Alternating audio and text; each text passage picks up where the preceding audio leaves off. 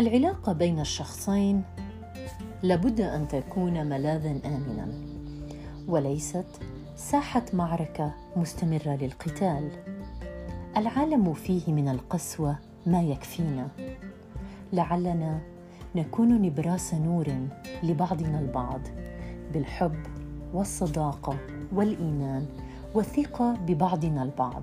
إذا رأيت صديقا يتجه نحو المخاطر امسك بيده كي لا يقع. حاول أن لا تحكم عليه فنحن لا نعرف أسرار الناس.